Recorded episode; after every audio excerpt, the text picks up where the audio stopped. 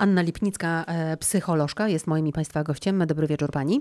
Dobry wieczór. Czytałam ostatnio e, taki artykuł e, o tym, że pozytywne myślenie może obniżyć, uwaga, ciśnienie, hmm. o, może odchudzić, może nawet wydłużyć życie. Wszystkie te tezy, my się trochę śmiejemy, ale one naprawdę były poparte bardzo poważnymi badaniami. Jak to jest możliwe? To jest możliwe jak najbardziej. Biorąc pod uwagę nową, można powiedzieć, gałąź psychologii, czyli tak zwaną psychologię pozytywną. Tak naprawdę ten nurt w porównaniu do innych jest najmłodszy, można tak powiedzieć, ale e, bardzo ważną rzeczą w psychologii pozytywnej też jest e, coś takiego jak trening uważności, czyli mindfulness. E, mindfulness polega na tym, że jesteśmy tu i teraz i zwracamy uwagę na rzeczy, które nas otaczają. Taki najłatwiejszy przykład to możemy sobie wyobrazić, że jesteśmy na spacerze. Razem z nami na tym spacerze jest pies. Pies, kiedy jest z nami na spacerze, widzi, co się przed nim dzieje.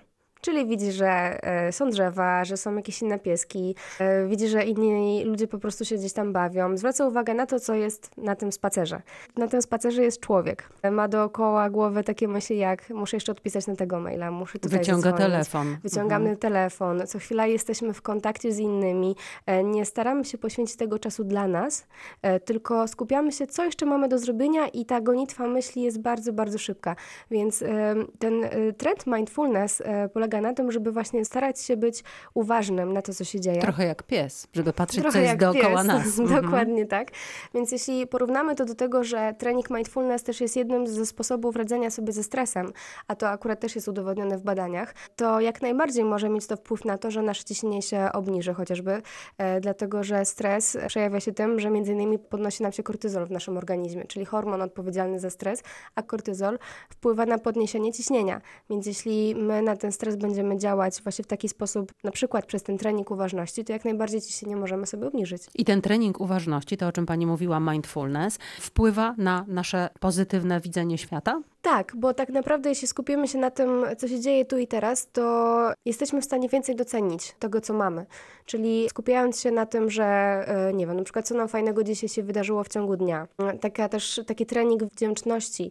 E, tutaj bardzo polecam takie ćwiczenie, jak na przykład e, idziemy spać wieczorem, żeby sobie zapisać trzy fajne rzeczy z danego dnia. I ja wiem, że czasami może to być bardzo ciężki dzień i nam się wydaje, że my nie jesteśmy w stanie nic wymyślić, żadnej... Że kompletnie nic dobrego się nie przydarzyło. że nic kompletnie się nie wydarzyło dobrego, ale to chociażby może być wtedy nawet dobra kawa. Chodzi o to, żeby właśnie trenować tą wdzięczność i zauważyć dobre rzeczy dookoła nas, a to będzie się później przekładało na nasz dobrostan w takim e, funkcjonowaniu na co dzień. Czyli z tych trzech rzeczy, które codziennie będziemy sobie e, zapisywać, które nam się dobre przydarzyły, w przyszłości urośnie nam e, góra dobrych rzeczy. Oczywiście. Które też, będziemy dostrzegać. Tak. I to też działa bardzo fajnie, że jeśli będziemy sobie te rzeczy zapisywać w jednym zeszycie e, i trafi nam się jakiś mega, mega słaby dzień, to zawsze możemy sobie do takiego zeszytu wrócić i sprawdzić, ile fajnych rzeczy już się nam wydarzyło i że tak naprawdę to, że teraz jest źle, to to minie. To też jest bardzo ważna taka myśl, czyli żeby nie, nie brać każdego naszego niepowodzenia jako coś takiego, co już po prostu się Trwałego. wydarzyło i trwa, e, tylko że każdy dzień się skończy i przychodzi następny dzień. Dzisiaj e, rozmawiamy o narzekaniu. Czy narzekanie E, to jest właśnie ucieczka od takiego pozytywnego e, myślenia. W odwrotności do tego pozytywnego myślenia może nam z kolei bardzo mocno psuć i nastrój, i stan zdrowia. Mhm. Mówi się o e, tak zwanych chorobach XXI wieku, czyli bardzo często są to choroby związane ze stresem.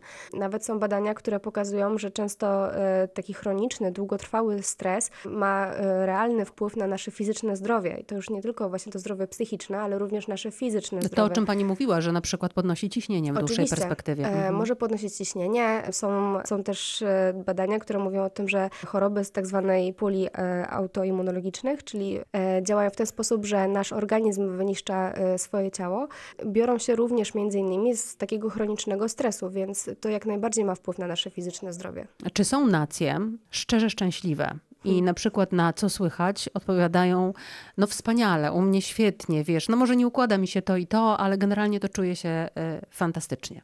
I że to, ta odpowiedź jest szczera, prawda? Mhm, a nie właśnie, a nie włóczona, wykreowana. Wykreowana, jak na przykład mówi się, że w Stanach Zjednoczonych, tak słyszałam, że wszyscy mówią, yeah, I'm fine, everything's great, a tak naprawdę każdy gdzieś tam biegnie i w ogóle nie skupia się na drugim człowieku.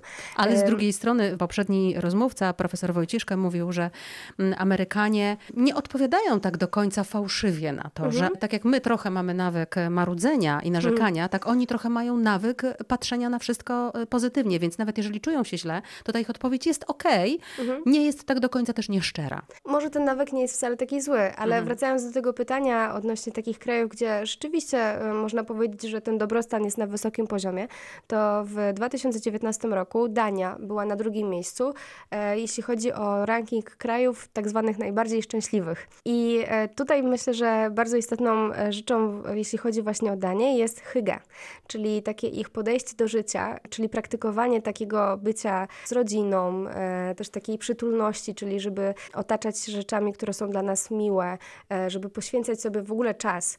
Em, Oni też uważają, że takie e, nic nie robienie wbrew pozorom nie jest wcale takie złe, bo skoro tego potrzebujemy, to widocznie tak e, nam mówi nasz organizm i trzeba się tego posłuchać. Wiadomo, wszystko w normalnych gdzieś tam e, Proporcjach. proporcjach.